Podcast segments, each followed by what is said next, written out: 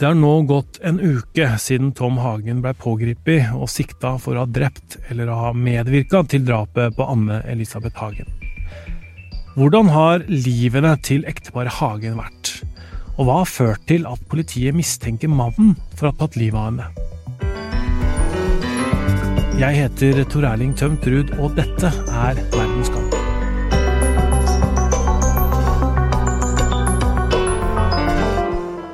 Lørenskog-saken har gått fra å være en kidnappingssak der 69 år gamle Anne Elisabeth blei ført bort fra sitt hjem, og det lå igjen et brev om løsepenger fra de angivelige kidnapperne, til å bli en drapssak uten et lik.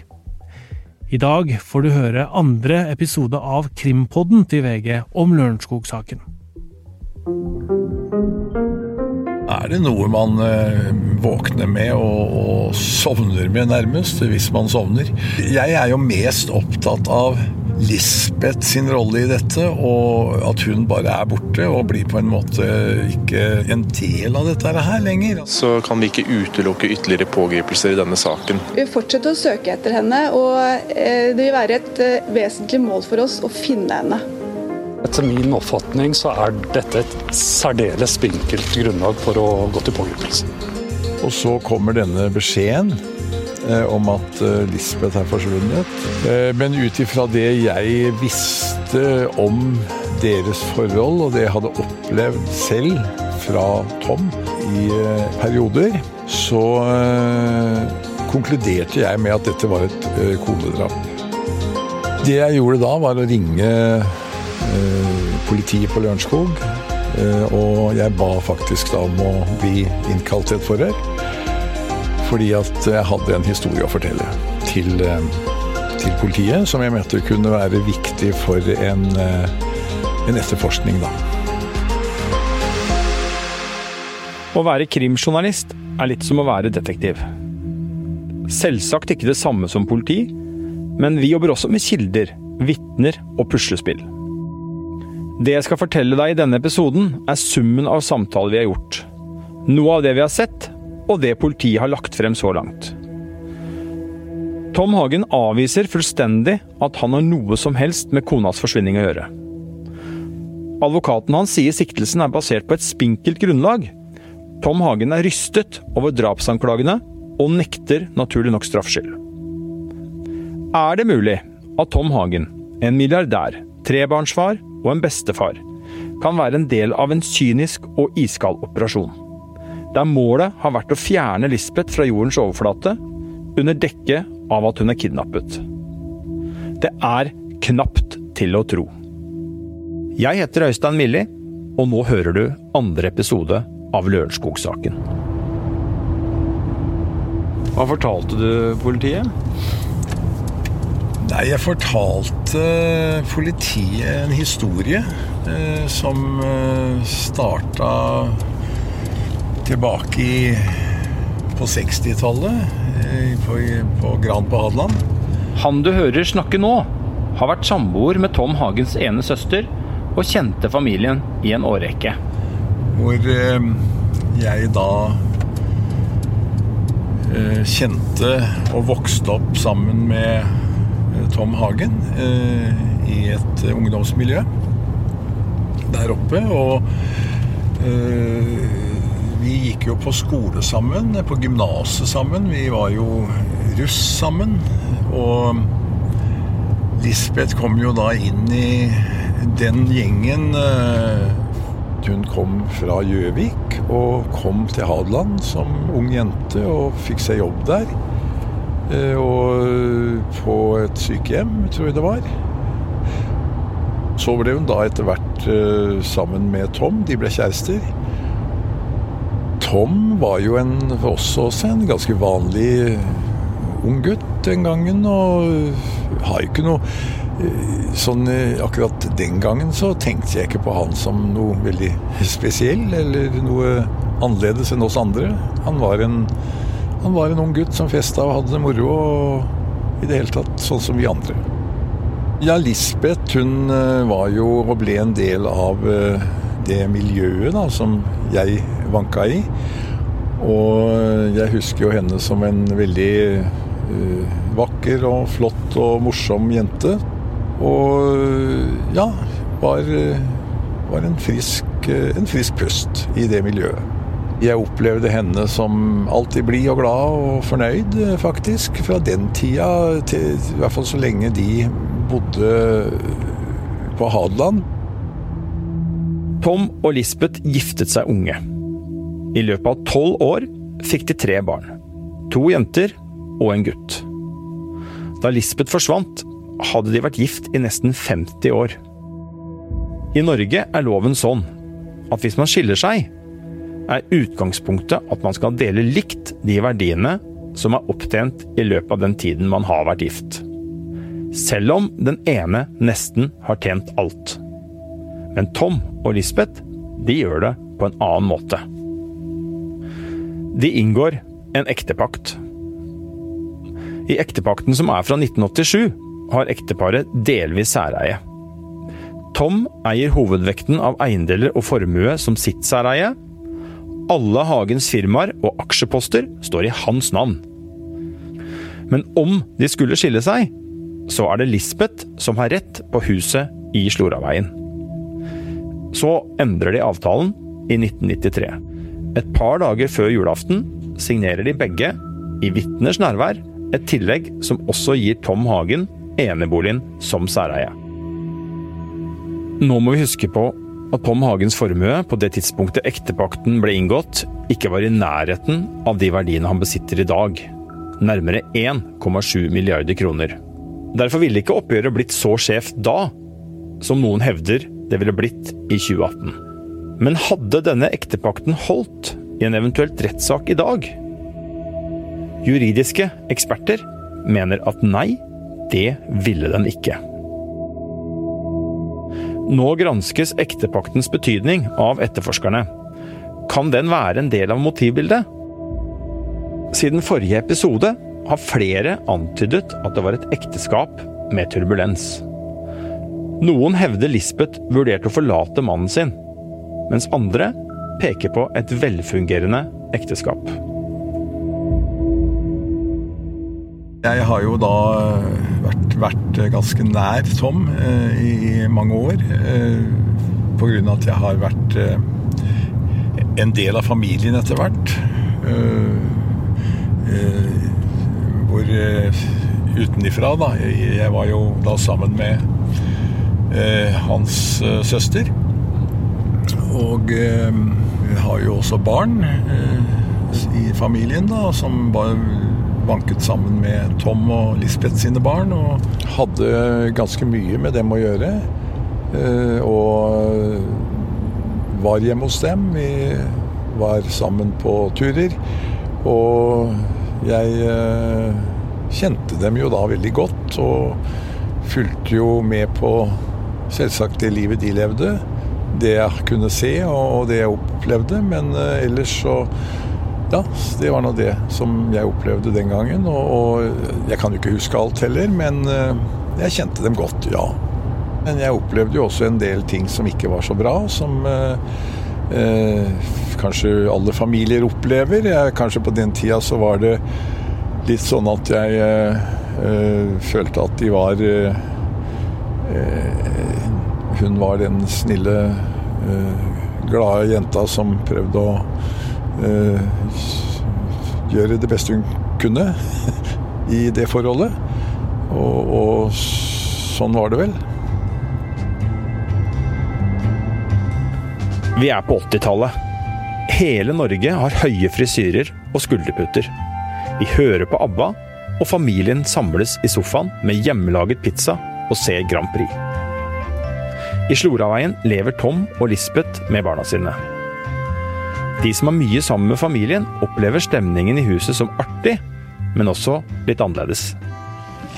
Det er viktig å finne Anne-Elisabeth Hagen, og det er viktig å avklare om det er flere involverte i saken. Politiet sier det er viktig å finne Lisbeth. For det er sånn at vanligvis når en så alvorlig forbrytelse har skjedd, og man skal forsøke å skjule liket, så gjør mange det i nærheten av det faktiske åstedet. Det er flere grunner til det. Kortest mulig reisevei med et bevis på en kriminell handling i bagasjerommet gir lavest risiko for å bli avslørt. Historien viser at gjerningsmenn generelt forsøker å gjemme lik på steder de kjenner godt. Kanskje til og med i nabolaget. Du kan jo tenke deg selv. Hvis du skulle gjemme noe du ikke vil at noen skal finne, hvor hadde du dratt? Og hvordan hadde du gjort det? Her ved Tom Hagens arbeidsplass i Futurum næringspark så har etterforskningen fortsatt i dag. Bygget ble umiddelbart sperret av da Hagen ble pågrepet i går morges.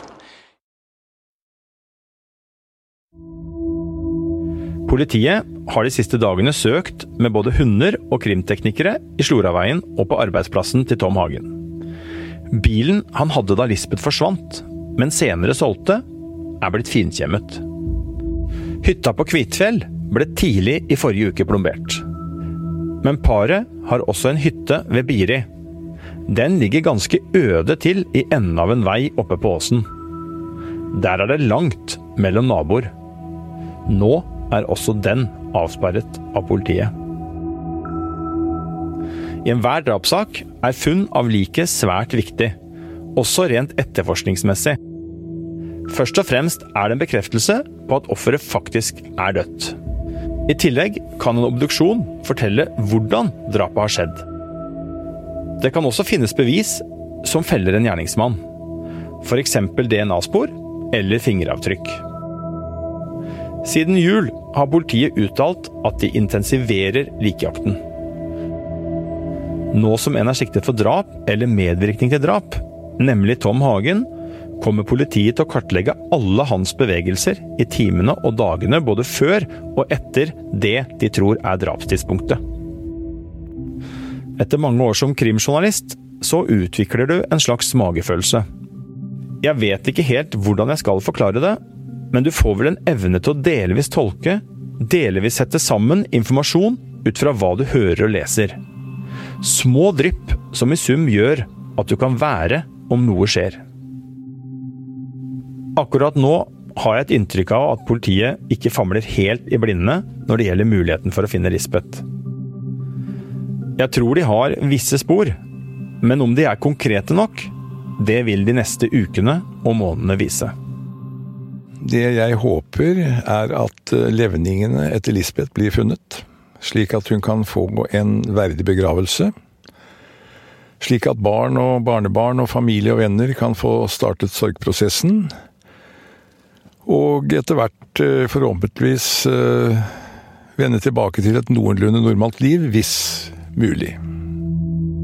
Hvem er du? Jeg er en niese av Tom og Lisbeth. Husker du kvinnen som snakker nå? Niesen som var mye hjemme hos Tom og Lisbeth i Sloraveien. Jeg var uh, veldig glad i onkel Tom, uh, som han var for meg også. Uh, så var han jobba mye og sånn, men vi var jo mye der. Og han var opptatt av at jeg var skoleflink, og jeg var så opp til han og var glad i han. Politiet mener med andre ord at saken bærer preg av en tydelig, planlagt villedning. Det gikk tidlig rykter i omgangskretsene rundt Tom Hagen. Vi har snakket med flere som forteller at han kjente til dem. Naboer har fortalt at han både ble såret og bekymret. Den aller første gangen han hørte om dem, vinteren 2019, virket han rett og slett overrasket og lei seg. Men han skal også ha uttrykt at han ikke kunne ta det innover seg. For han visste at ryktene var nettopp bare det rykter. Likevel har Tom Hagen flere ganger i løpet av etterforskningen spurt politiet om de retter etterforskningen mot ham. Hver gang har han fått det samme beroligende svaret. Du har status som fornærmet. Politiet har balansert på en knivsegg. I møtene som ledet opp til pågripelsen, har de måttet forholde seg til Hagen både som pårørende og som en mann som er under hemmelig etterforskning for drap. På toppen av dette har politiet måttet ta hensyn til de tre barna. Tom Hagen har sendt politiet flere e-poster, og han har snakket med dem. Da har han gjort rede for sine teorier om at de som står bak, er ute etter å ramme ham økonomisk eller personlig. Han har gitt politiet flere navn som han mener kan være mulige gjerningspersoner. Men politiet mener disse teoriene, i tillegg til funn på åstedet, som trusselbrevet, og opplegget med kryptovaluta, har vært en del av en veloverveid plan om å villede dem. Og at Tom Hagen selv er en av gjerningsmennene. Men hvis det er sånn at kommunikasjonen mellom familien Hagen og de angivelige kidnapperne var en bevisst avledningsmanøver, hvem satt på den andre siden? Er Tom Hagen motparten selv? Har han den kompetansen? Tom Hagen, som beskrives som en mann av sin tid når det gjelder teknologi. Hadde han mulighet til å sende signalene samtidig som alt sto på rundt ham? Da denne saken var en kidnappingssak, var politiet svært tett kontakt med ham. Er det sannsynlig at han da kan ha vært den såkalte motparten? På toppen av dette er det fortsatt sånn at det ennå ikke har dukket opp noe som tyder på at Tom ikke har alibi for tidspunktet Lisbeth forsvant. For en tid tilbake, før Tom Hagen ble pågrepet, var jeg på tur ved Langvannet med hans tidligere svoger. For så vidt. eh, Kjente trakter. Jeg eh, har jo vært her en del, og det var jo i forbindelse med at jeg var hos Tom og Lisbeth da, på besøk. Det er jo kjempefint, og de bosatte seg jo her på 80-tallet, og jeg husker at jeg syntes det huset var eh, veldig flott og stort den gangen. Og var litt imponert over hva Tom hadde fått til, egentlig. Ja, han har jo vært dyktig til å sanke gods og gull. Naboen til Hagen, Tore Skansen, tilbrakte også tid tett på familien. Han var nok litt tilbaketrukket, arbeidet mye. Og ja, det er som de fleste voksne menn på den tiden, så var han mer på jobb enn han var hjemme. Og det gjør jo at han får en viss avstand til også barna sine. Men som familiefar så tror jeg han har fungert godt. Han eh, var, han var ikke så mye der. Eh, Egentlig Han jobba mye og, eh, og mer fraværende. Måtte ha ro når han var hjemme. Så det var liksom Lisbeth som, som tok seg av oss. Tom jobber. En målbevisst businessmann, kaller de ham. Systematisk til fingerspissene. Med egne notatbøker hvor strategi meisles ut og ideer skrives ned. Han oppnår suksess. Lisbeth er på mange måter hans rake motsetning. Hun er lite opptatt av penger. Livet byr på så mye mer. Lisbeth er familieorientert. Barn og barnebarn betyr mye. Selv om ekteparet fremstår forskjellige, oppleves de som en jordnær og nøktern familie. Lite prangende, lite opptatt av statussymboler og snobberi. Hvordan vil du beskrive Lisbeth? Ah, Hun var, en, eh, var mye med oss eh, ungene og var veldig morsom. Husker at vi hadde det veldig morsomt. Um, trygg, god omsorgsperson. Og hadde veldig sånn tørrvittig humor som jeg lo mye av, i hvert fall. Som jeg håper jeg har arva litt av. Hadde det ja, veldig satte opp hår og Jeg husker henne som en sånn eh, Ikke som venninne, liksom, men at hun var mye med oss. Så det er veldig gode minner fra henne om det, at hun var så snill. Aldri sint. Naboen, Tore Skansen, sier det sånn. Så hun er en sånn hjemmekjær og trivelig dame som ordner opp i alt. Tom han dulta litt bak, han. Men Var det hun som var, eh, var sjefen hjemme der? Ja, jeg tror det, selv om Tom har jo bestemt det meste. Han har liksom vært et klasse over alle andre, han.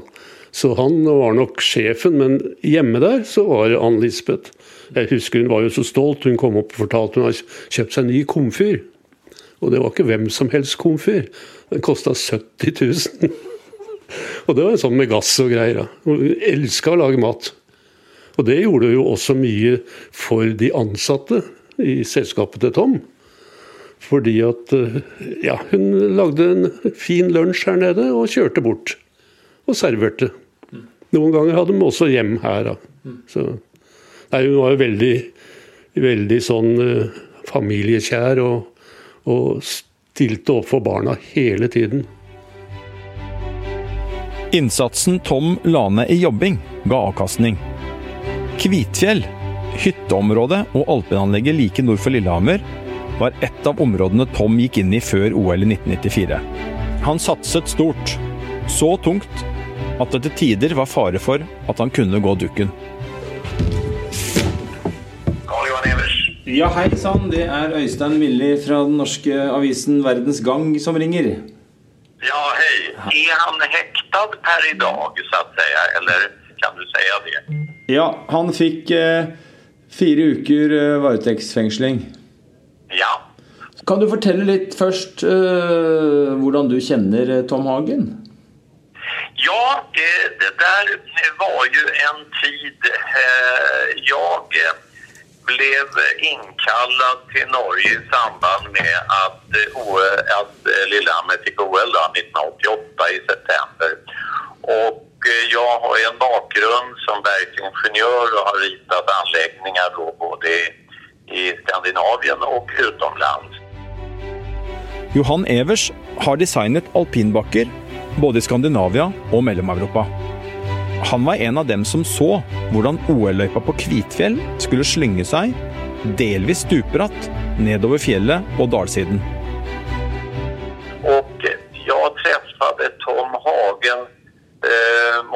Var altså før OL. Det bör ha vært under høsten 93.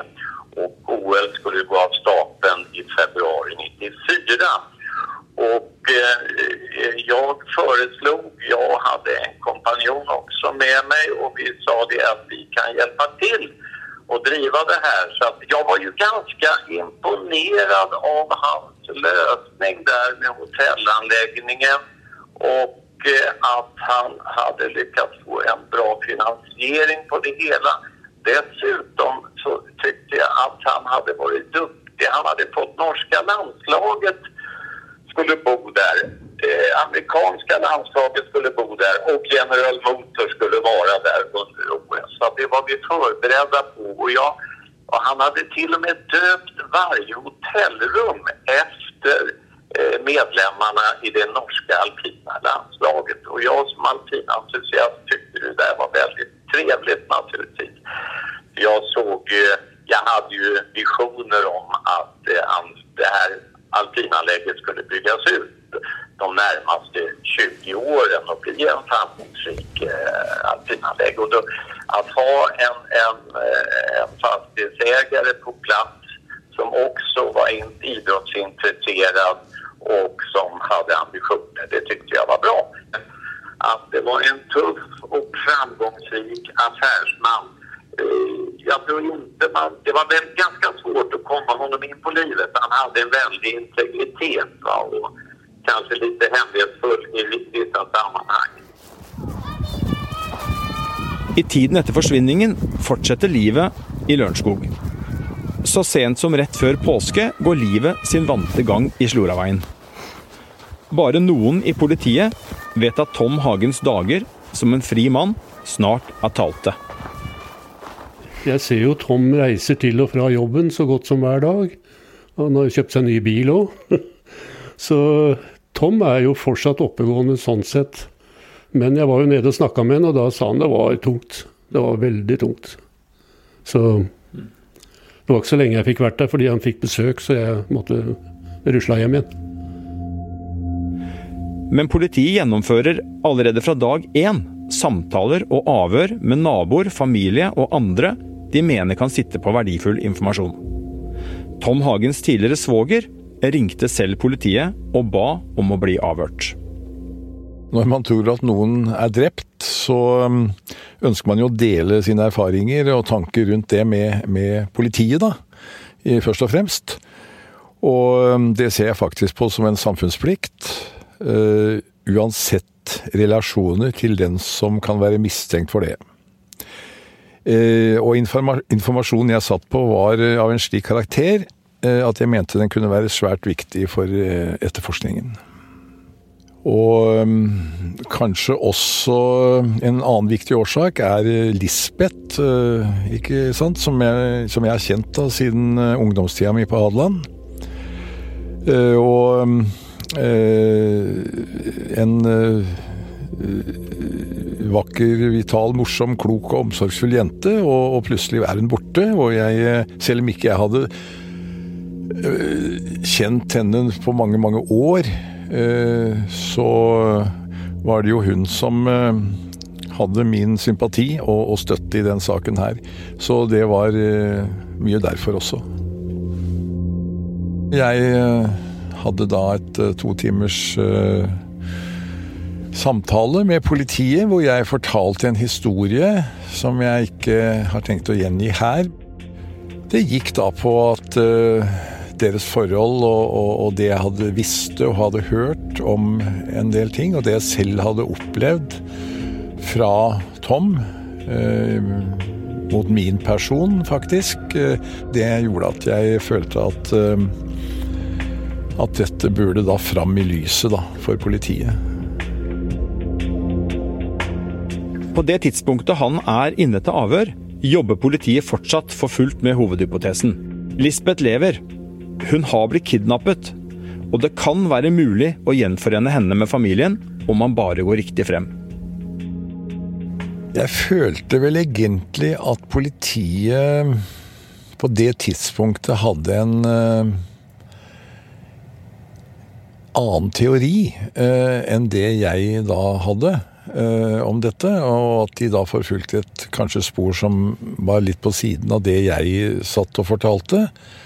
Men ehm, eh, jeg følte jo at de tok meg alvorlig, og at de faktisk noterte ned og, og, og tok dette inn, altså. Det, det gjorde jeg. Men, men eh, jeg sa jo klart ifra at den kidnappingssaken, den tror ikke jeg noe på. Det, det var nesten helt umulig å, å tro på det.